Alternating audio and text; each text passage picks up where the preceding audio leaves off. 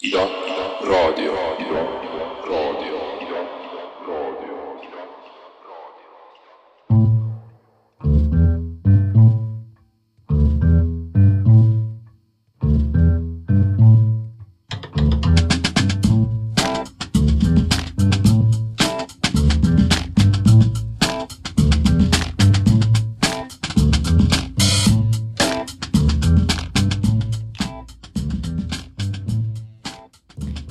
Tere, head kuulajad, alanud on saade Ära kaaguta. stuudios on nagu ikka Viisik ehk feministeeriumi toimetajad Kadi Viik ja Aet Kuusik. tänases saates räägime valimistulemustest, kahjustavast keelekasutusest ja seksuaalvägivalla reguleerimisest Eestis ehk siis nõusoleku seadusest ja selle puudumisest. hakkame pihta. valimised on läbi me ise kirjutasime oma sotsiaalmeediasse, et õues paistab kevad äh, pärast valimistulemuste teadasaamist. Äh, ehm, mis sa arvad nendest tulemustest, kas äh, kevad on endiselt südames? ma arvan, et see võib olla see kerge eufooria, mis oli niimoodi ähm, Äh, kohe pärast valimisi on, on nagu hakanud normaliseeruma kuidagi, aga selles mõttes on küll kevad südames, et ma näen ikkagi sellist, äh, ma ütleks, erakordselt äh, suurt võimaluste akent praegu, et erakonnad, kes just inimõiguste teemadel on nagu progressiivsemad või lubasid rohkem asju ja kellele see teema tundub nagu rohkem korda minevat siis kui teistele erakondadele, et nendel läks valimistel väga hästi ja siis erakondadel, kellel tõesti puudusid äh, inimõiguste valdkonna lubadused, äh, läks äh, halvasti nii et tundub, et ähm, praegu on ikkagi neli aastat sellist perioodi, kus on võimalik nagu väga palju asju ära teha, et selles mõttes ma olen jätkuvalt hästi rõõmus. aga kuidas sina tunned, et tunned sa õhus kevadet või haistad ei, loomulikult ma olin väga rõõmus selle üle, et äh, EKRE Isamaa ei saanud äh, ja, ja Keskerakond, Keskerakonnast on võib-olla isegi natuke kahju, aga Keskerakonna puhul on huvitav see ju, et nad võtsid inimõiguste alased teemad kõik oma programmist välja mm, -hmm. need, need ei ole seal, see, mhm. see ei ole mingisugune konstant nende programmis, et neid pole olnud. ja võtsid nad välja ja, ja vaat, mis juhtus. aga noh, muidugi juhtus palju muud ka, mis lõi selle pildi yeah. pildi segamini. Ja äh, olen rõõmus selle üle, et kahest halvast juhtus natuke vähem halvem. Mm.. Äh, ehk siis äh, mm, ja mille üle me rõõmus siis ei ole, on ikkagi seesama asi, mis aitab, äh, aitab nendel ebademokraatlikel jõududel mm, potentsiaalselt uuesti tagasi tulla.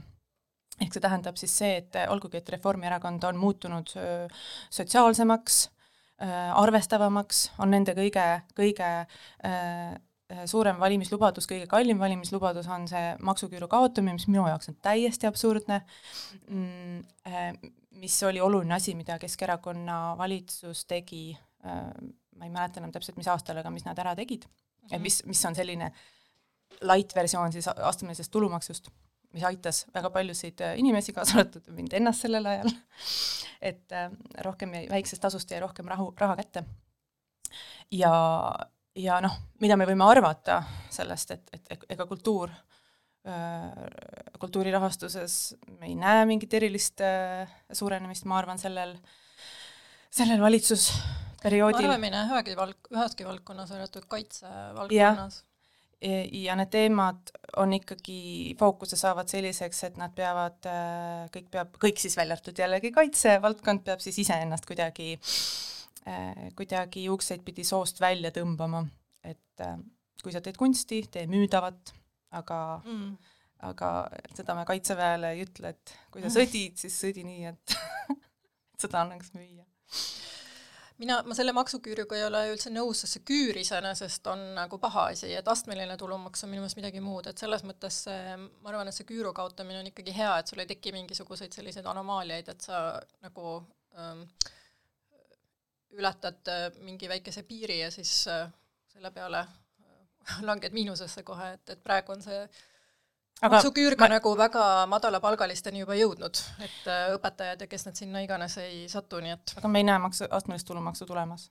praegu, nii et me selle valitsusega vast ei näe, jah. ja noh, mida, mida kohe pärast äh, vali- või valimistulemusi hakati rääkima, on ju miljardi, miljardi suurune kärbe, mida valimis äh, agitatsiooni ajal ja äh, jah, enne valimisi, millest keegi ei rääkinud mm.. Nii et see ja need kärped kohe pärast koroonakriisi äh, on ikkagi karm asi ja me võime siis nagu ennustada, kes nendest kõige rohkem äh, kannatada saavad, et need on need asjad, mis äh, mis noh, mis ei rõõmusta, et me oleme mingites küsimustes lihtsalt seisakus ja me esitame, saame ennast esitada progressiivsetena, aga nagu me, see progressiivsus tähendab eelkõige siis majanduslikku liberaalsust, millega käib kaasas ka isikuvabadused, aga mitte selline kollektiivne äh, vaesusega tegelemine näiteks mm,. Mm. jah, see ma ise nagu mõtlesin ka alguses, et huvitav, et kas oleks võimalik tagasi pöörata need asjad, mis tegelikult ühiskonnas hästi palju vastasseisu tekitasid ja mis on väga kulukad riigieelarvele, näiteks suurperede toetus äh, või seda korrigeerida, ma ei tea, mingi indekseerimine maha võtta või äh, summasid nagu kuidagi Ühtlustada. õiglasemaks jah, teha, et ma ei tea nüüd, kas uuel valitsusel on, on selleks julgust ja teiseks on äh, juba noh, kuna seadus on, seadus on jõustunud, et siis on tekitanud ka õigustatud ootus inimestel, et äh, nendel, keda see siis puudutab, et nad saavad midagi või nad ei saa midagi, et selles mõttes noh, ümber pöörata on muidugi võimalik, sa võid alati reforme teha, mingi toetuse ära kaotada või mingi toetuse sisse viia või seda suurendada, vähendada, aga et äh, siis ta saab ikkagi mingisuguse ajalise nõtkuga nagu tööle hakata, mitte kohe homsest. kuule, aga see oli küll tore uudis väga rõõmustav, et need niinimetatud iibe, iibeministrid ehk siis äh, Lea Danilson-Järg ja ja IT ja ettevõtluse minister Kristjan Järvan. Kristjan Järvan, et nemad tegid erakordselt kehva tulemuse, järelikult tundub, et äh, nad ei ole rahva lemmikud minu meelest, ma tahaksin natuke rääkida pikemalt sellest Isamaa põrumisest, et minu jaoks on hästi huvitav, sellepärast et, äh, et palju on äh, analüüsitud seda Keskerakonna nii-öelda ka suurt kaotust ja see oli väga suur, aga Isamaa kaotus häälte nagu äh, siis äh, protsentuaalses äh, arvus ja mandaatides on peaaegu võrreldav Keskerakonnaga, aga erinevalt Keskerakonnast, siis neil oli raha neil oli raha, et kampaaniat teha, Keskerakonnal on ju nagu tõsine finantskriis olnud aga Isamaal seda muret ei ole, neil on väga nagu head rahastajad, nad ei ole, neil ei ole mingisuguseid müstilisi võlgu mingist müstilise Savisaare ajast ja nii edasi. Nad ujutasid terve Eesti üle oma reklaamidega, interneti üle, ujutasid üle, igal pool olid Isamaa näod. nii et nad said oma kampaaniat väga suurejooneliselt teha. Nad on saanud nagu märkimisväärseid poliitilisi võite viimastel aastatel, nad on põhimõtteliselt kõik oma sellised nagu südameasjad läbi surunud äh,, aga tundub, et valijatele ei lähe see peale, mis on nagu väga huvitav, universaalne elektriteenus või see universaalteenus siis elektri puhul ei lähe peale, suurperede toetused ei lähe peale, pensionireform ei lähe peale, et nad saavad ette näha, näidata sellist nagu suhteliselt äh, kade, kadestamisväärset track record'it teistele erakondadele, vaata, mis me kõik ära oleme teinud, kuigi keegi ei tahtnud. aga valijatele ei meeldi see. Um, jah, tasub siis õppida, et ja, ja, ja ma, ja ma tooks ühe asja veel välja, noh vaata Keskerakonna puhul, et seal oli tõesti, seal oli Ukraina sõda, mis mõjutas nagu hästi palju nende elektoraati, Isamaal ei olnud sellist probleemi. Ukraina sõda nagu mõjutas nende elektoraati ilmselt väga noh, ühendavalt või positiivselt kuidagi. ja, ja veel tahaks tuua välja selle, et Isamaa on ju olnud ikkagi viimaste aastate, viimase selle nagu perioodi jooksul ennast kuidagi ideoloogiliselt hästi selgelt positsioneerinud ja nad on hästi ühtne, et seal ei ole nagu erakonna sees mingeid suuri erimeelsusi a la Keskerakonnas, et seal on tõesti eestikeelne kommunikatsioon, venekeelne kommunikatsioon, seal on, ma ei tea, Tallinna linn ja seal on nagu riik ja seal on Jaanus Karilaid ja seal on ülejäänud ja noh, seal on nagu igasuguseid mingisuguseid äh, pingeid ja leere, mida Isamaal ei ole kui keegi peaks nagu praegu tõsise see peeglisse vaatamise sisekaemusega tegema, tegelema, siis on Isamaa mm. -hmm. oled nõus, väga tore ma ei mõtle lihtsalt eriti palju Isamaast. ma mõtlen kogu aeg Isamaa hommikul, lõunal ja õhtul. ja siis ma tahtsin veel äh, lihtsalt EKRE-t mainida, et äh, aga selle, sorry, selle Isamaaga tuleb ikkagi see kuidagi koorub välja, et tõesti nad tegelevad äh, sellise üksikküsimusega mm. -hmm. ja need üksikküsimused on nendel mingisugune lambike peas, et oh, mm -hmm. pensionisüsteem lihtsalt nagu tear it down mm, -hmm. aga need üksikküsimused, noh, need nagu, need on nagu mingisugused äh, konkreetsete juhtfiguuride fetišid, mitte nagu tõesti, need, need kuidagi ei kütkesta seda, kellele need suunatud on. jah, jah, just. Ega ta kütkestabki nagu võib-olla siis eakaid mehi näiteks, aga mitte neid, ma ei tea, noori naisi, kes siis peaksid kõiki neid lapsi sünnitama Isamaale. et äh, nendest, nendega nad nagu ei suuda ikkagi kuidagi suhestuda aga siis ma tahtsin veel oma noh, ikkagi rõõmu kuidagi väljendada selle üle, et äh, minu meelest valijad ikkagi selgelt karistasid neid erakondi, kes võimaldasid EKRE-ga, EKRE võimule tulekut. ehk siis nii Isamaa kui äh, Keskerakond said selle eest ja mul on nagu hästi-hästi hea meel, et tegelikult praeguste mandaatide jagunemisega ei ole see eriti reaalne, et äh, EKRE tuleb võimule nelja aasta jooksul, et vähemalt nagu noh, kui muidu Eestis ei saa kunagi kindel olla, et kes kellega mängib, kes kellega valitsust moodustab ja sa võid kind-, selles võid kindel olla, et valitsus muutub nelja aasta jooksul, siis praegu vähemalt seda varianti ma ei näe, et EKRE kuidagi pääseks Stenbocki majja, mul on selle üle ülihea meel. Mulle meeldis meie keeletoimetaja Raul, Raul Veede äh, artikkel ikkagi ka, et äh, mis just tuletas valijale meelde, et äh, et kas siis see EKRE eemale jõud-, eemale hoidmine, see ei saa olla põhiline valimislubadus mm., et ikkagi mm. võitvad erakonnad peavad väga, võitnud erakonnad, eriti, eriti Reformierakond loomulikult mm., et nad peavad aru saama, mille eest nad need hääled said. ja nad said need sellepärast, et on sõda ja sellepärast, et on vaja EKRE-t eemale hoida, aga kas see ütleb palju nende mm, poliitika kohta, mis puudutab just noh, mis puudutab äh, nagu te teisi küsimusi, sotsiaalseid küsimusi. mul on isegi sama, sama mõte või täpselt sama mõte sotside kohta, et äh, ma arvan, et sotsid said väga palju halastushääli, sest et äh, kardeti, et neil läheb nagu väga-väga halvasti. Nad said, ma arvan, väga palju neid hääli, kes ei taha mitte mingil juhul tagasi EKRE-t, aga nad tahavad Reformierakonnale nagu mingisugust sotsiaalsemat mõõdet. Mm, aga sotsid ise on ikkagi viimase viimastel aastatel pingutanud selle nimel, et nende erakond tundub nagu lõhestunud, ta tundub äh, nagu ei ole väga aru saada ikkagi, mis asja nad täpselt ajavad enam, et nad on minu meelest kaotamas ka neid äh, ütleme siis äh, võib-olla progressiivsema maailmavaatega entusiaste või et, et, et see nagu inimeste grupp juba vaatab sotse väga niimoodi vingus näoga ja neil oli raske veenda teatud inimesi kandideerima. et nad, ja kes on noh, muidu olnud sellised suured häältemagnetid et äh, nende ja osa läksidki ära. ja osad läksid ära erakonnast, et ähm, või vähemalt ei, ei kandideerinud siis, et nendel on ähm,, nad kaotasid ainult ühe mandaadi, nad noh, neid ei käsitleta mitte kui mitte mingis vaatenurgas kaotajana, sest nad tegid ikkagi suhteliselt hea tulemuse, arvestades ootustega, aga tegelikult ma arvan, et nad peavad väga mõtlema selle peale, mis, mida edasi ja mida järgmiseks ja mis see meie poliitika on ja kuidas me ennast siis nagu teostame sellises koalitsioonis.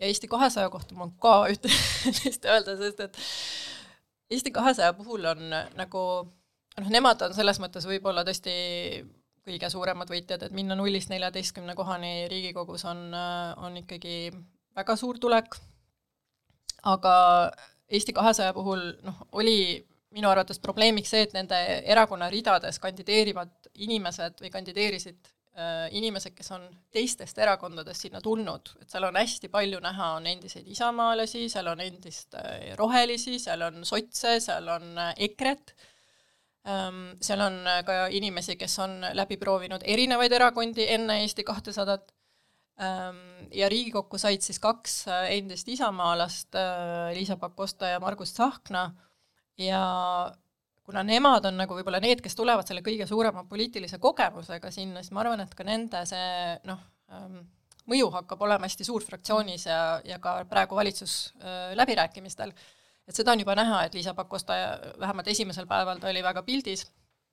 Ja Margus Tsahkna on kindlasti seal tuumikus, kes iga päev läbi räägib. et äh, selles mõttes on äh, natukene nagu ma olen hästi-hästi äraootav nende suhtes. Ja seal on ka selliseid noh, vasakpoolseid, seal on hästi parempoolseid, seal on ärikaid, seal on nagu rohelisi. Seal on niisugune et iseenesest nagu igas erakonnas on ju päris erineva profiiliga poliitikuid, aga kuna Eesti kakssada on see noh, täiesti uus ja proovimata ja me ei tea, me ei tea nagu, kuidas nad võimu hakkavad teostama, kui, kuidas nad Riigikogus hakkavad käituma, kas nad hakkavad kaklema, kas nad on äh, üheselt toetavad valitsuse eelnõusid, kas nad äh, lasevad äh, hääletuse vabaks, et äh, kunagi ei saa kindel olla, kes mille poolt hääletab, ei, ei tea ju mitte midagi. Eks siis näeb. aga kuule, kas ja. ei ole kohutavalt koomiline vaadata, kuidas need endised äh, Isamaa poliitikud äh, nagu rindkummis räägivad abieluvõrdsuse eest ja praeguses olukorras on ju Reformierakond kelle, kelle lipukiri on kõige liberaalsem poliitika, nemad on justkui need vastupõtkijad selles praeguses äh, Äh, potentsiaalses koalitsioonis. et nendest sõltub see tegelikult. Ja nemad, kuna nad on niivõrd suur erakond, siis nad ei taha neid enda konservatiivsemaid äh, poolehoidjaid äh, ka kuidagi äh, siis äh, noh, li-, liigliberaalsusega siis ära hirmutada. tead, see on hullult naljakas ja see ei ole ainult see abieluvõrdsus, vaid need on äh, jah, need on kõik need inimõiguste teemad, et äh, minu meelest ka rändeküsimus ja, ja tegelikult näiteks Liisa Pakostat mina ikkagi jätkuvalt seostan abordivastasusega, mis tal oli hästi tugev, võib-olla ma ei oska öelda, kümme aastat, viisteist aastat tagasi, ja see ilmselgelt enam ei ole, aga ta noh, ta on nagu selle nimel, ma ei tea, vaeva näinud, et äh, küsimuse alla seada abordi rahastamine Haigekassast ja, ja ravikindlustusest ja alaealiste õigus ise aborti teha, ta on selle vastu hääletanud ja ta on nagu oma tegudega ikkagi päris palju ähm, vaeva näinud selleks, et Eestis ei oleks abordiõigus vaba. aga nüüd ta on siis äh, jah, see progressiivne, liberaalne inimõiguste eest seisev erakond, nii et äh, jah, mulle tundub ka, et ta ta selline, tema see ajalugu soolise võrdsuse volinikuna eh, on nagu võib-olla see, mida see keskmine suhteliselt konservatiivne, aga ka parempoolne eh, Eesti, Eesti poliitiline keskkond, keskkond on üsna konservatiivne, üsna parempoolne, et ta on selline top-maks, mida on nagu see valija võimeline selle soo, soo küsimusel nagu vastu võtma, et emad ja ja sellised puuetega inimeste nagu tervis, ta muidugi ka nimetab puuetega inimesi erilisteks inimesteks ah,. et e, ja, ja nii edasi, et ähm, et see siis äh, see on päris koomiline ka olnud. jaa. ei no ta kindlasti, see voliniku aeg mõjutas teda, et kui sa üle viie aasta pead mingi teema eest seisma, et siis äh, noh, hakkab külge miski. midagi hakkab muidugi külge aga tema puhul ikkagi tasub nagu tä-, või noh, teadlik noh, feministiks ta ennast ei pea.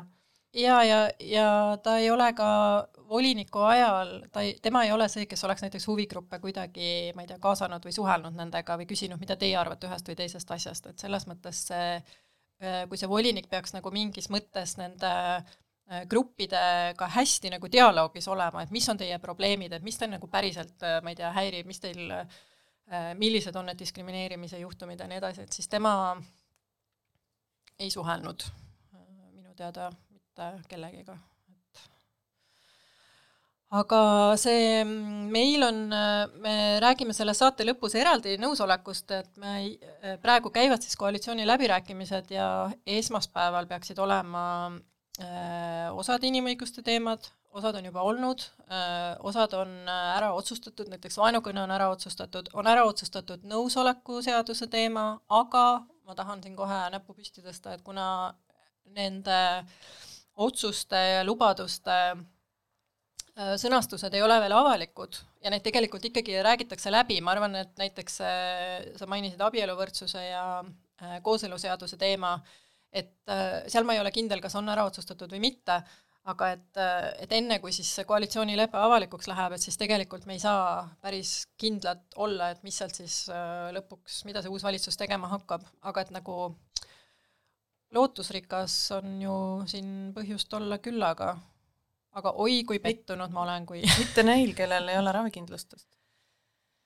ei ole põhjust olla lootusrikas selline ravikindlustus kõigile minu meelest on see ka inimõiguste teema kas aga ta ei ole selles mõttes, ta ei ole seaduste mõttes ravikind-, nagu inimõiguste teema, me ei, võib-olla ei loe seda sellisesse automaatsesse identiteedipõhisesse paketti, aga, aga jah, aga õigus tervisele ja terviseabile, see on üks põhiline inimõigus, et see on Vot. nagu vaieldamatu. sellest, seda tahaks ka rohkem näha. mitte ainult kvaliteedi tõstmist, mis on väga-väga vajalik, aga ka ikkagi selle laiendamist nendele inimestele, kes, no kunstnikud, väga palju kultuuriinimesed, kes töötavad vabakutselisena, ma olen ise vabakutseline olnud pikka aega, et et see, et need noh, neid küsimusi me lihtsalt ei näe, ma arvan, nendel nelja, neljal aastal juhtumas. see ravikindlustuse teema on selles mõttes veel nagu noh, nõme, et, et proportsionaalselt see rahasumma, mis oleks vaja selleks, et see kõigile oleks tagatud, ei ole nagu nii suur, et see konti murraks, eriti kui võrrelda seda mingite jaburate peretoetustega. no vot, aga see on ideoloogiliselt läheb vastuollu sellele, et keegi saab midagi lihtsalt selle eest, et ta teeb näituseid. tead, mida mina arvan, ei, ma arvan, et selle taga on see hirm, et siis hakkab see OÜ-tamine lihtsalt üle nagu võlli minema. Et inimesed, kui sellest hetkest, kui nad ei pea enam endale isegi miinimumpalka maksma selleks, et äh, nagu saada seda põhilist sotsiaalkindlustust, ma arvan, et et seal tuleb vaadata, noh, et kuna ta on komplektis selle ettevõtete maksustamisega No ja tulude maksustamisega, et siis pigem on see võib-olla kala seal isegi. Aga see ravikindlustus on jah, selles mõttes ta on ka hästi sooline teema, et et noh, sina mainisid kultuuriinimesi, et nemad on äh, väga sageli naised kultuuritöötajad, vabakutselised, aga et põhimõtteliselt äh, suurem osa mitte ravikindlustatud inimestest on mehed, et äh, ma ei mäleta täpselt seda protsenti, aga nad jõutöötajad siis igasugused. Ähm, ja see on ka sellepärast, ma arvan, et äh, naised on suuremas osas automaatselt ravikindlustatud läbi raseduse, läbi sünnitamise, läbi selle väikelapse perioodi, et emadega käib nagu kaasas, noh, kui sa mitu last saad elu jooksul, siis sa oled võib-olla juba kümme aastat ainult selle tõttu ravikindlustatud, et sa kogu aeg nagu sünnitad või imetad või noh, et see on äh, osa sellest äh, nagu laste ja emakaitse paketist. et mehed lihtsalt on sellest väljas ma nüüd räägin asjast, millest väga palju ei tea. aga ma arvan, et, et see on üks põhjus, miks mehed on äh, suuremas osas ilma. kas äh, teeme väikse muusikalise vahepala ja liigume keeleteemale või on meil veel midagi valimiste kohta? pane peale. ma mängin äh,, ma olen siin äh, viimasel ajal vaadanud seda äh, White Lotus, ma ei tea, kas sa oled näinud seda seriaali? ei ole. Äh, no see on üsna tore, ta pilab sellist priviligeeritud inimeste tohutut, tohutut enesekesksust. ta pilab väga hästi. Ja minu meelest ta pilab ka seda woke-kultuuri päris hästi, et seal on äh, päris toredad sellised dialoogid ja pinged on siis nende nii-öelda valgustatud ja mitte nii valgustatud inimeste vahel, et igatahes soovitan.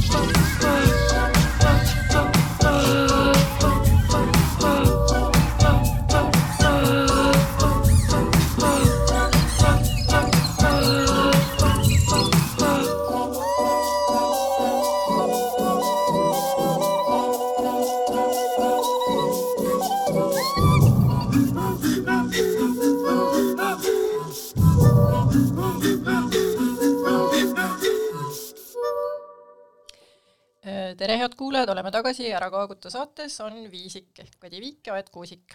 ja nüüd räägime keelest, sest et Aet on ju teada-tuntud keelepede või keelenatsiks, ma ei tohtinud teda vist enam kutsuda, no kumb sa ise tahaksid olla, kas pede või nats? pede, iga kell. ja äh, teisipäeval oli, tähistati emakeelepäeva ja lisaks äh, ilmus äh, sult üks väga hea lugu Müürilehes äh,, ma tõesti kiidan, mulle tõesti väga-väga meeldis, ma ei tee seda ainult selleks, et nagu kuidagi reklaamida meid ennast et mulle meeldida. jah, jah. selles siis, kuidas sõnadega saab vägivallatseda ja ma arvan, et miks see mulle nagu nii meeldis, oli ka see, et sa kuidagi suutsid sõnades või sa suutsid nagu sõnadesse panna selle intuitiivse tunde, et sõnad teevad haiget või võivad haiget teha, et see on nagu vägivald aga noh, sinikat ju ei ole, et kuidagi ähm, me oleme ise ka siin varem rääkinud, et sõna on tegu, sõna on tegu, aga et äh, sa nagu kuidagi tõestasid ära, et sõna on tegu, nii et ma mõtlesingi sellest natuke rääkida. ja ma tahtsin, äh, kuna meie kuulajad ka kõik võib-olla seda artiklit ei ole lugenud, ma kindlasti soovitan, lugege, aga et, äh, et sa kirjutasid seal erinevatest võtetest, kuidas siis inimesi kahjustada, siis mõtlesin, et sa võiksid rääkida natukene meile, mulle nendest. jaa, ma kõigepealt alustan sellest, et see sõna on tegu tõepoolest ja, ja sõna saab olla vägivaldne ja kui hoolimata sellest, et sõnakasutus ei jäta mingit kehavigastust, võib ta jätta täiesti mõõdetavaid, mõõdetavaid vigastuse tunnuseid, need lihtsalt ei ole sellised füüsilised, aga aga psü-, psühholoogias, psühholingvistikas on mõõdetud vägivallasõnade või solvangusõnade või üldse solvangute Äh, mõju ajule ja need on äh, üsna sarnased äh, füüsilise vägivalla mõjuga, see hirm, stress, mis tekib seoses sellega, et, et, et see tõesti teeb reaalselt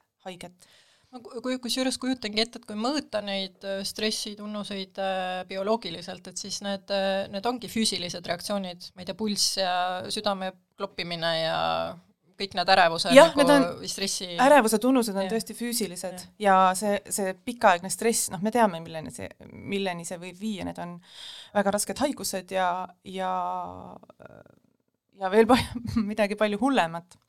et kiusamine on ju ka sageli äh, küberkiusamine, mis toetub absoluutselt keelele, ta võib olla ka pildiline loomulikult, aga keel mängib siin väga-väga suurt mm. rolli aga see küsimus, et kuidas ma need siis seal artiklis äh, jaotasin, ma loetlesin jah üles kolm sellist äh, peamist viisi, mida mina olen kas tänu oma elukogemusele või siis kirjanduses loetule ja elukogemusele siis tähele pannud ja need kolm olid dehumaniseerimine, patologiseerimine ja nähtamatuks tegemine.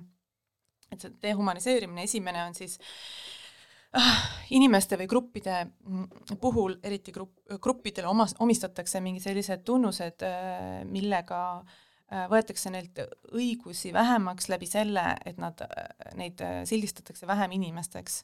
ehk siis näiteks sildistatakse neid loomade nimetustega mm, -hmm. eriti alandav on mingite putukate nimetustega, et ma praegu ei lähe üldse sinna, sellesse teemasse, kuidas, kuidas me peaksime käituma ja, ja rääkima mitte inimesest, loomadest ja nende nimetustest ja kas need peaksid olema meile kuidagi solvavad või mitte, et see on natuke teine, teine teema, millest me võime ka rääkida, millest kindlasti loomaõiguslased palju räägivad, aga kellegi teise nimetamine äh, äh, mingi looma nimega või, või prussakaks või rohutirtsu parveks või et mhm. see ikkagi muudab äh,, selle eesmärk on seda, selle inimese inimlikkust äh, alandada äh,, jõhkrutseda selle grupi kallal selliselt, et kuidagi oleks äh, õigustatud äh, siis see prussa, nii-öelda prussakas jutumärkides kuidagi, ma ei tea, lömi-, äh, lömastada või, või tema mhm. kallal mingit, äh, mingit vägivalda mm, äh, toime panna. et noh, Nõukogude Liidust olid, oli tuntud ka marutõbis, tõbisteks koeradeks, inimeste tembeldamine ja rahvavaenlasteks ja igasugusteks mm. sellisteks. Ja, ja noh, hästi levinud on see, see rääkides immigratsioonist, et kas või juba, juba kas või see väike liide mit- äh,, massi, mida pannakse äh, juurde tõesti sageli mis tahes äh, immigratsioonist rääkides, et massiimmigratsioon, isegi kui me räägime kas sõjapõgenikest või siis äh, äh, töötajatest, keda on äh, Eestisse vaja, keda inimesed kutsuvad siia, et, et isegi sellistest asjadest rääkides kasutatakse ja kui on teada, et need arvud ei ole näiteks suured, need kasu-, kasutatakse seda liidet, mis ka paneb neile inimestele peale kuidagi sellise massi või tulva või voolu, sellise loodusjõu äh, sellised omadused või tingimused, mille vastu siis tuleks kuidagi igasuguste mis tahes meetoditega nagu mm. seista kas või vägivallaga, sest ta on niisugune mass, mis siis, ja mass on jõudne, tuleb ja teeb, teeb, teeb midagi.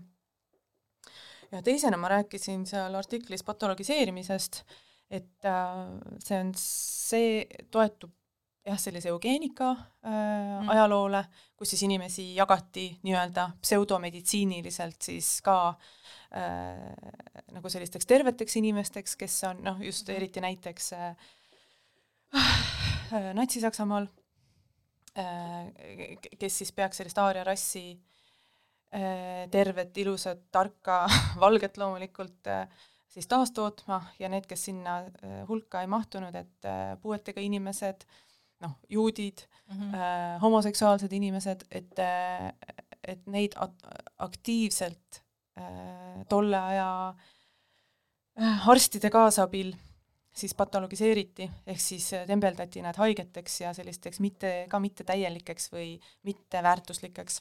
see on ka väga paljude põlisrahvaste puhul, ma mõtlen Põhjamaades, Ameerikas äh,, Austraalias. jah, ja nende puhul ju siiamaani, need ei ole väga, väga väga nüüd hilised asjad, hil-, hilised juhtumid, kus ikkagi neid äh, ka sundsteriliseeritakse mm, -hmm. et mm, -hmm. et nad ei, et võtta nendelt siis võimalus ära pere luua ja omadel tingimustel siis äh, elada, kuna need tingimused ja need elustiilid ei sobi sellele võimul olevale positsioonile. see patologiseerimine siiamaani väga, noh, see on ajalooliselt puudutanud homoseksuaalseid inimesi, kes on olnud psühho-, psühhiaatriliste haigete nimekirjas homoseksuaalsus kui haigus, äh, transsoolisus on äh, hiljem sealt välja võetud, sageli siiamaani transsoolisi inimesi peetakse haigeteks, kes vajavad ravi, äh, kes tuleb kuidagi välja aidata sellest seisundist, et nad kuidagi siis normaliseeru-, normaliseeriksid, normaliseeruksid.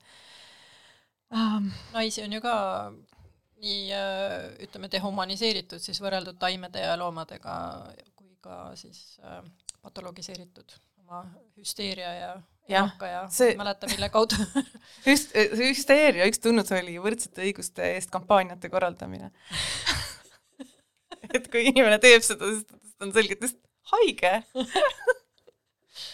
või siis okay., või siis kui naine tahab äh,, tal on seksuaalne iha, ta, ta mm., ta tahab äh, seksida mm, -hmm. siis noh, sellist asja ei saa olemas olla, et -hmm. naisel on see seksisoovi agentsus, et noh, selgelt on ta, mm, tuleb teda kuidagi turgutada ja ra ravida papa Freudi siis äh, nende juhe, juhe, juhendite järgi. ja kolmandaks ma tõin välja nähtamatuks muutmise, et see on selline asi, mida väga palju ei näe, sellepärast et see on nähtamatu. noh, kas või äh, kui rääkida igasugustest ankeetidest, ma ise olen mittebinaarse identiteediga inimene ja lihtsalt ei jaksa kõikides, kõikides äh, nendes küsi-, küsitlustes. Äh, valida siis seal äh, mees või naine kastide vahel, et noh, okei okay,, ma saan selle küsitluse tehtud, aga see, see sookäsitlused on niivõrd äh, tänapäeval juba niivõrd selliseks voolavaks ja fluiidseks muutunud ja lihtsalt on nii palju inimesi, kes ei ei samastu nende kast, kastidega, ükskõik, mis seal passis on öeldud mm, -hmm. ükskõik, mida konservatiivid ütlevad, lihtsalt see, lihtsalt noh, ei mm. -hmm. ja see on lihtsalt selline, selline üleüldise osavõtlikkuse ja vastutulelikkuse märk, kui, kui institutsioonid kuidagi tunnistavad endale lihtsalt seda mm -hmm. fakti ja panevad sinna mingisugused teised variandid, kõige parem oleks muidugi, et sõnasta ise Äh, või siis, äh, või siis noh, juba, juba parem oleks, kui seal on mingisugune midagi muud või siis ka ei taha öelda. et, äh, et sageli on seal lihtsalt kaks valikut. kas ähm, tahad sa veel midagi nähtamatuks tegemise kohta öelda või ma nähtamatuks tegemise kohta on veel minu meelest hästi oluline asi, et see nähtamatustamine toi-, toimib ka ju teistpidi, et nähtamatuks tehakse äh, inimgrupid või inimesed, kes peaksid olema nähtavad ehk siis näiteks äh, naistevastasest vägivallast rääkides mm., lähisuhtevägivallast rääkides äh, on just eriti pildiliselt, aga ka pealkirjades äh, räägitakse sellest siis, kelle kallal vägivallatsetakse. -hmm. jõulude ajal sai mitu naist peksa, isegi mõni ema sai peksa, peksti vanemat naist, et sellised pealkirjad on väga-väga levinud väga,, väga-väga levinud on mm, nende lugude juures äh, nagu mingid visuaalid, pildid, kus ongi see mingi sinikaga naine või naine, kes hoiab käsi näo ees või naine, kes on kuskil niimoodi varjus kuskil nurgas ja ta kardab, aga ei selles keeles ega pildis ei ole välja toodud seda, kellele see tähelepanu teravik peaks olema suunatud, ehk siis see, kes on vägivallatseja. ja loomulikult me teame, et vägivallatseja, noh, võib olla mis tahes soost, aga äh, aga äh, statistika järgi on enamik äh, jah, vägivalla ohvreid on naised ja enamik vägivalla toimepanijaid on mehed. Ja meedia peaks äh, seda fakti adekvaatsemalt äh, kajastama.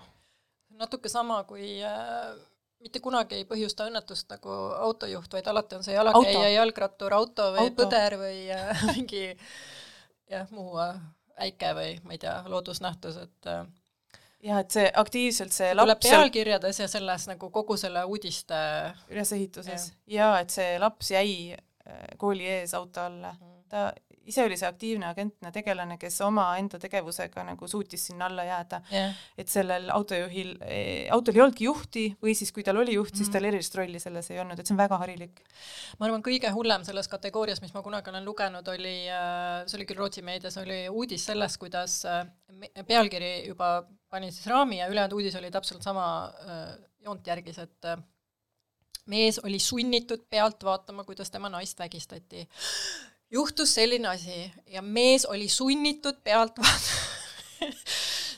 ei tohiks naerda siin, aga see oli nii absurdne ja ma, ja tõesti, ma kirjutasin sellele ajakirjanikule, ta oli selles mõttes väga tore, et ta, ta tõesti vabandas, ta oli ise noh, kui ta nii-öelda ümberpööratult seda vaatas, ta, tal oli väga häbi, tunnistas seda, aga et tõesti tal seda nagu uudist kirjutades mitte kordagi ei tulnud pähe küsida, mida see naine võis sellest olukorrast äh, arvata ja tunda, mõelda, et äh, kannatanu oli seal see mees, kes oli sunnitud vaatama seda, kuidas tema omandit äh, väärkoheldi.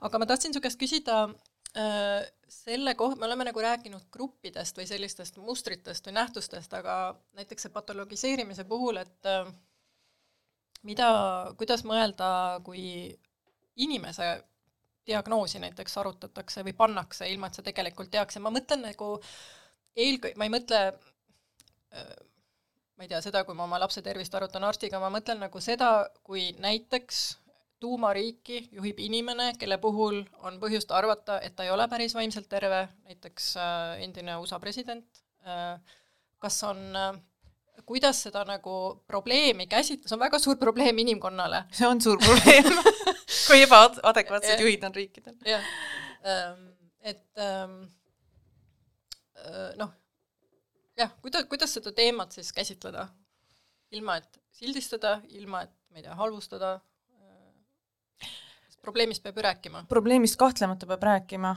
aga neid saab ilmselt ikkagi võtta niimoodi üks-ühele äh, neid äh,, neid küsimusi, et mitte üldistades seda kõikidele selle diagnoosiga äh, inimestele ja tehes sellest diagnoosist süüdlast, Mm -hmm. vaid ikkagi see, see diagnoos ei vabasta mitte mi- ühestki vastutusest, aga diagnoos ka ei ole see, mis on süüdi, et see inimene ikkagi ise on süüdi ja süüdi need inimesed, kes on seda võimaldavad või kelle, kellele see kasu toob.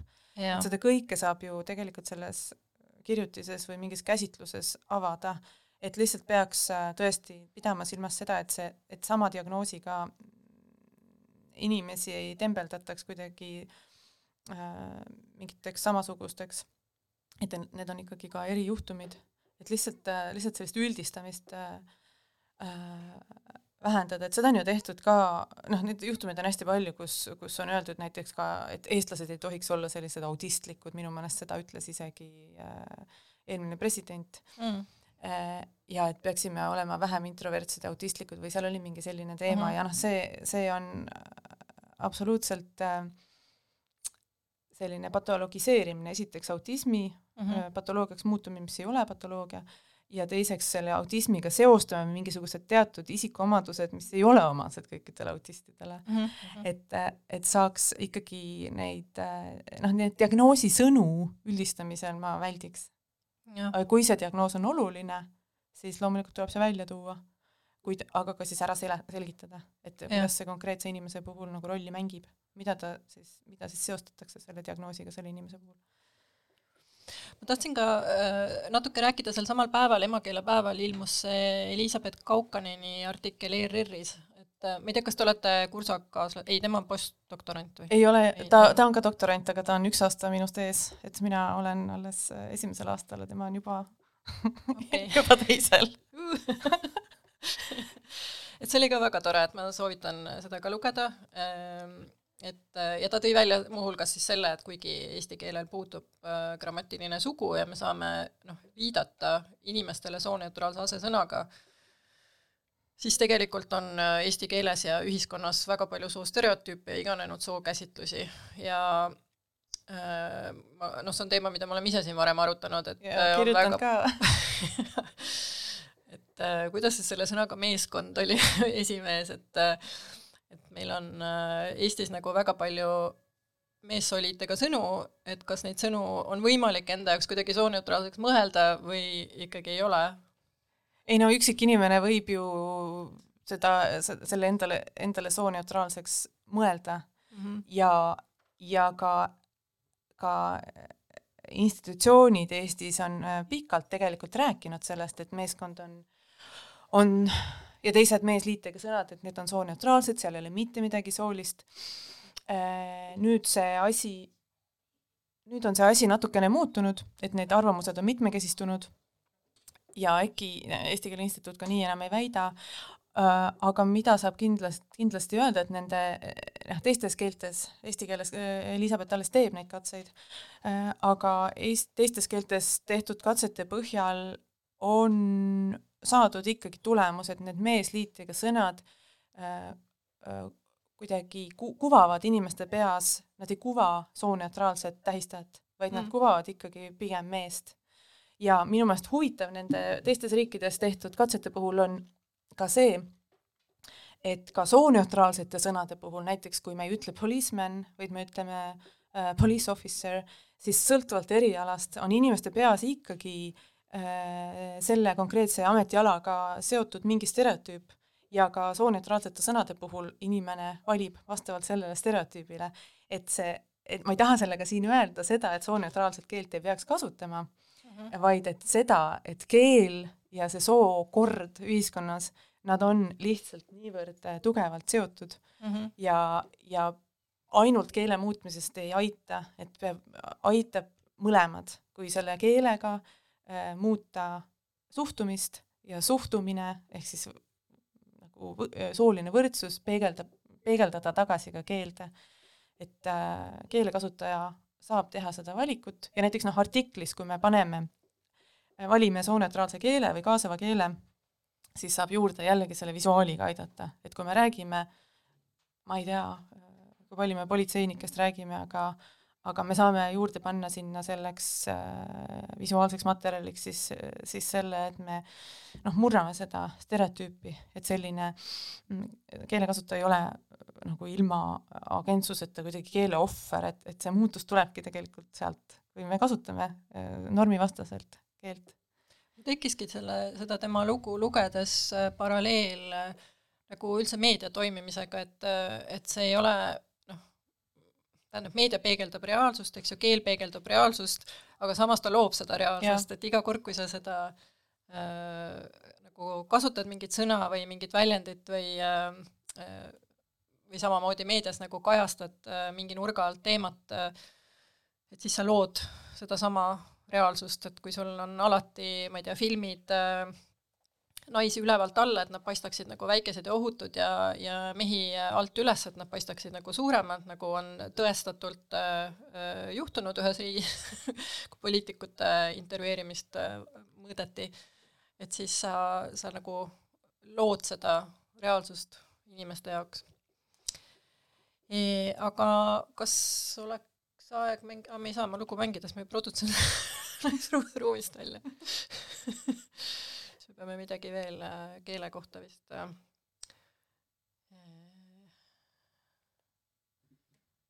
kas ma tahaksin küsida su käest midagi? Äh, Elizabethi artiklis, ta rääkis natuke selles ERR-i artiklis ka nendest onudest ja tädidest mm., et ta on uurinud neid soolisi sugulustermineid või su-, sugulussõnu, sest eesti keel on ja võib-olla soome keel ka, noh, inglise keeles me ei tea, et meil oleks nagu doctor aunt või, või mingid sellised arstitädid ja arstionud, et eesti keeles ju me kasutame, eriti lapsed kasutavad ju selline kõnekeel ja, ja ja et seal on ka soolised erisused, et seda tädi kasutatakse selleks, et nagu madaldada, et niisugune mm -hmm. söögitädi või ta on mingi niisugune tädi, on ju mm. -hmm.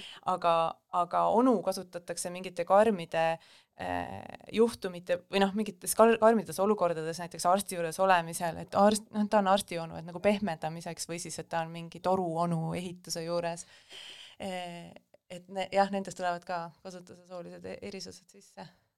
okei okay., no aga mängi nüüd sina lugu. ma mängin ja lugu, mis lihtsalt peegeldab minu äh, armastust Nigeeria muusika vastu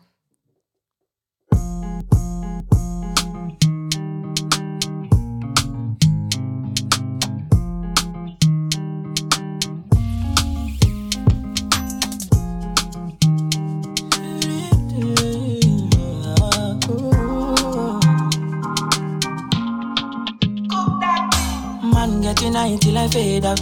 If the vibe no pure on my way out. Pull balu, anytime we step out. The men them outside, we know they house. No they look for us, we know they house. So they see the mullah, we don't spray out. Thank God, said the maga don't pay out.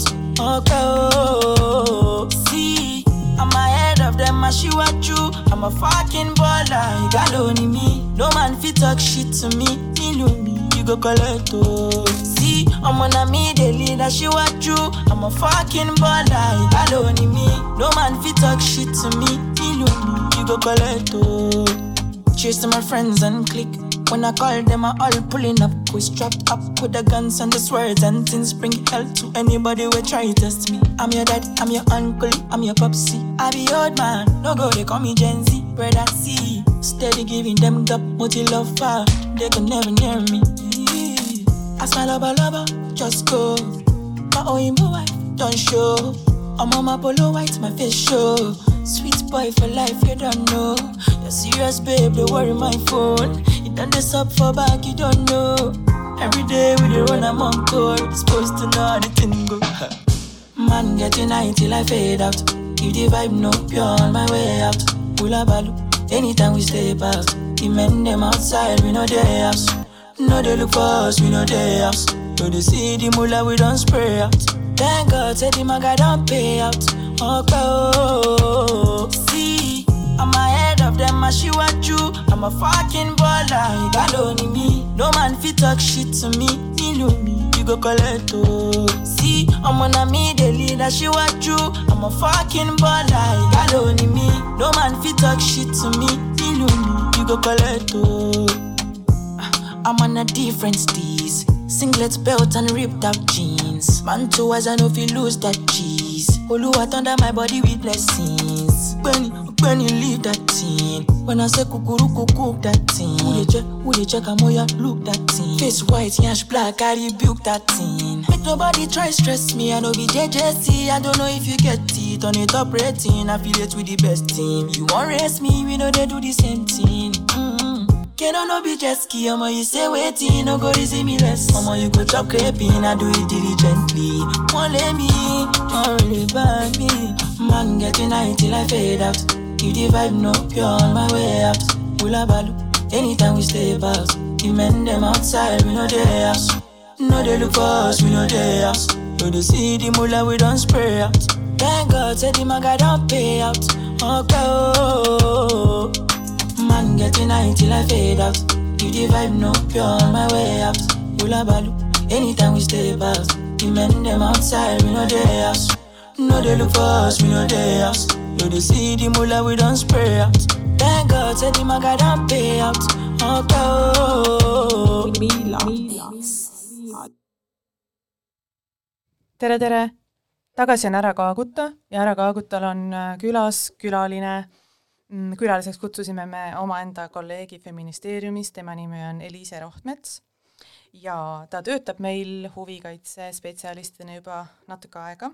Ja on olnud äh, Feministeeriumi kaasautor tõesti algusest peale juba. Ja kirjutanud häid artikleid äh, feminismi eri äh, ja voolustest.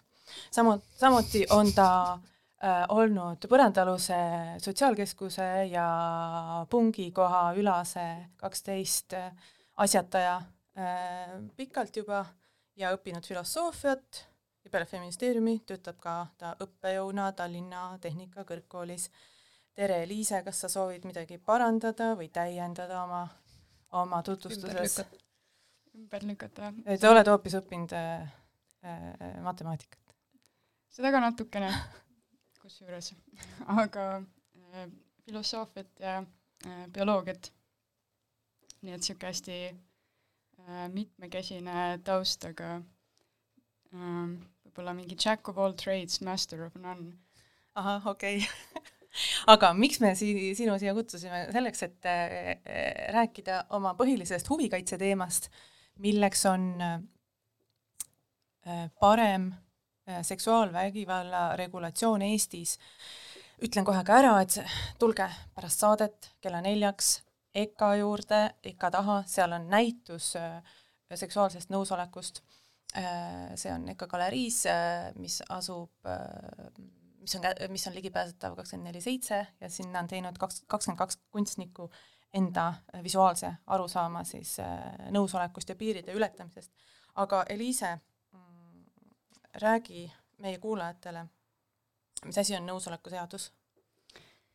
nõusoleku seaduseks äh, äh, mõnikord ekslikult arvatakse, et tegemist on ühe seadusega, sest nimi nõusoleku seadus justkui seda ütleb, aga tegelikult äh, mõeldakse selle all niisugust üldist äh, seksuaalvägivalla õiguslikku regulatsiooni äh,.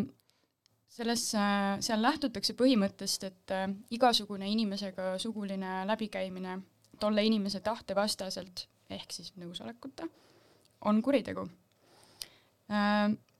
täpsemalt võib-olla peaks seda rääkima, et ühesõnaga see õigus, mida seksuaalne ahistamine või vägistamine või mingi kolmas tegu, mida me selle kahe vahele asetame äh,, ta rikub meie õigust seksuaalsele autonoomiale äh,. Eestis kasutatakse küll väljendit seksuaalse enesemääramise õigus, aga mul on hakanud silma, et äh, või noh, üha rohkem paistma, et sellega mõeldakse meil võib-olla midagi kitsamat kui lääne diskursuses sõnaga autonoomia.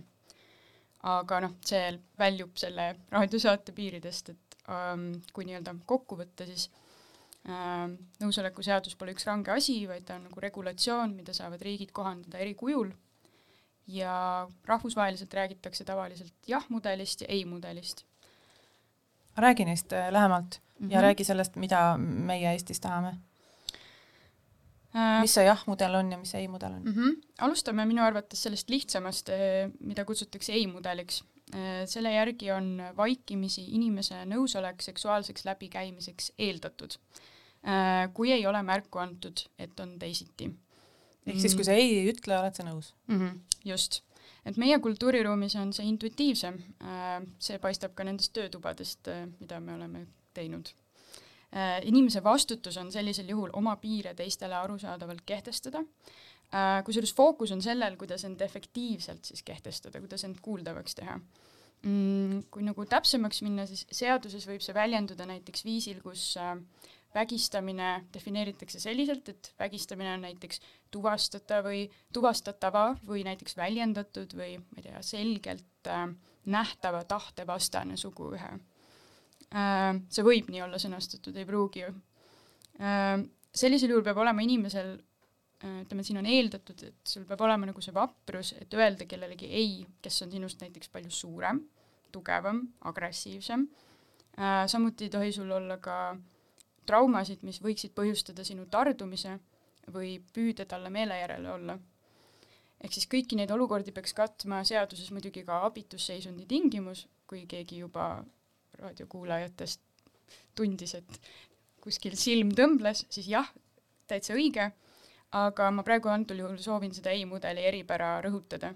et kui inimene objektiivselt ei kommunikeerinud seda ei-d arusaadavalt äh, ega polnud ka abitusseisundis ja teine ei saanud aru, siis ei ole tegemist vägistamisega.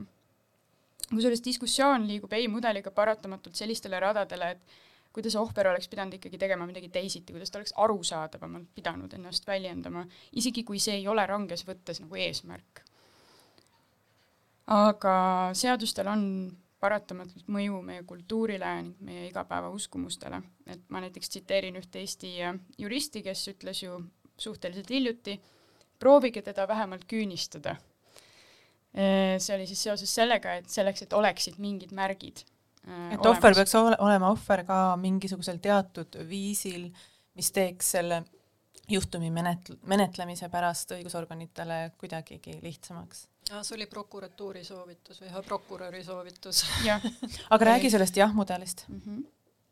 nüüd ähm, jah-mudeliga on nagu selles mõttes teisiti, et inimese nõusolek ei ole eeldatud ähm, ja see jagab seda moraalset vastutust juhtunu eest võrdsemalt ja kusjuures ma rõhutan sõna moraalset vastutust, et ärme räägi praegu juriidilisest vastutusest, räägime sellest, et äh, sest julgustab inimest esiteks ühelt poolt selgelt märku andma enda seksuaalsetest soovidest, teisega näiteks lävida, teisalt paneb see just rohkem vastutust ka tollele, kes soovib seda seksuaalset lävimist initsieerida. et kui ei-mudel toetab sellist arusaama nõusolekust, et nii kaua, kui sa ei ei ole öelnud, nii kaua on kõik okei okay,, siis nüüd see jah-mudel toetab seda arusaama, et ka minul on, kui mina soovin sulle läheneda, mul on nagu moraalne kohus korraks vaadata, kas ma kohe ajan sulle selle käe siin särgi alla või äkki ma siiski nagu mõtlen ennem. see on, see on nii nagu selline väike justkui pisike vahe, aga sellest kasvab välja äh, üüratu lõhe suhtumises. see tähendab siis, et äh, eelduslikult ei anna keegi, keegi ei ole nõus mitte millegagi, et, et see peab aktiivselt olema väljendatud, siis see jah või tahe või soov mm. -hmm. jah. jah, just. ja selle mudeli järgi on hästi oluline äh, läbirääkimine või teineteisega jah, suhtlemine, et kas see jah on äh, olemas, kas sa tahad nii teha, kuidas sa tahad, et me teeksime. et see toob keskmesse just omavahelise või partnerite vahelise suhtluse. ma lisaks ka nagu seda, et kui ma räägin äh, tänapäevaste nagu seksuaalkoolitajatega äh, pedagoogidega, siis just tänapäevane seksuaalkasvatus ongi sellest jah-mudelist lähtuv. kui me räägime näiteks, mis töötab Eesti Seksuaaltervise Liit, nad on absoluutselt selles jah-paradigmas ja ma arvan, et ühiskonnas peaks olema terviklikult see edasi antud, mitte ainult niimoodi, et me lähme koolidesse või räägime inimestele äh, seksuaaleetikast selles võtmes, et tunneta oma piire, austa teiste piire ja siis me ei peegelda sedasama eetikat äh, enda seadustes. aga tuleks kuulajale veel et selguse huvides äh, lisada, et, et Eestis ei kehti ei jah-põhine ega ei-põhine nõusoleku seadus, täpselt. et Eesti seadus on vägivallapõhine. jah, see ka ärritab inimesi äh,, äh, korrektne on öelda sunnipõhine, aga kui me filosoofiliselt sügavamalt äh, puurime ja vaatame, mis seal toimub, siis me äh, võime ka argumenteerida, et, vägivald on implitseeritud sellepärast et ka selle ütleme, et ametlikult me ütleme sunnipõhine, eks ju, et kas vägivallaga on sunnitud või midagi, aga see on siiski rea-, seal keskmes on reaktsioon vägivallale või selle puudumisele. kuule, aga nüüd meil on aega hästi vähe, et, et tahaks äh,, tahaks kiiret vastust saada küsimusele, et kas meil on nüüd koalitsioonileppes äh, võimalik näha seda ko- nõusoleku seadust või it ain't coming? on, on, potentsiaal on, väga tore potentsiaal on suur. ähm,. aitäh tulemast, Eliise äh, saatesse, sellest me peaksime nõusoleku seadusest veel lähemalt rääkima, mina jätan äh, siinkohal äh, kuulajatega hüvasti ja paneme mängima Eliise valitud loo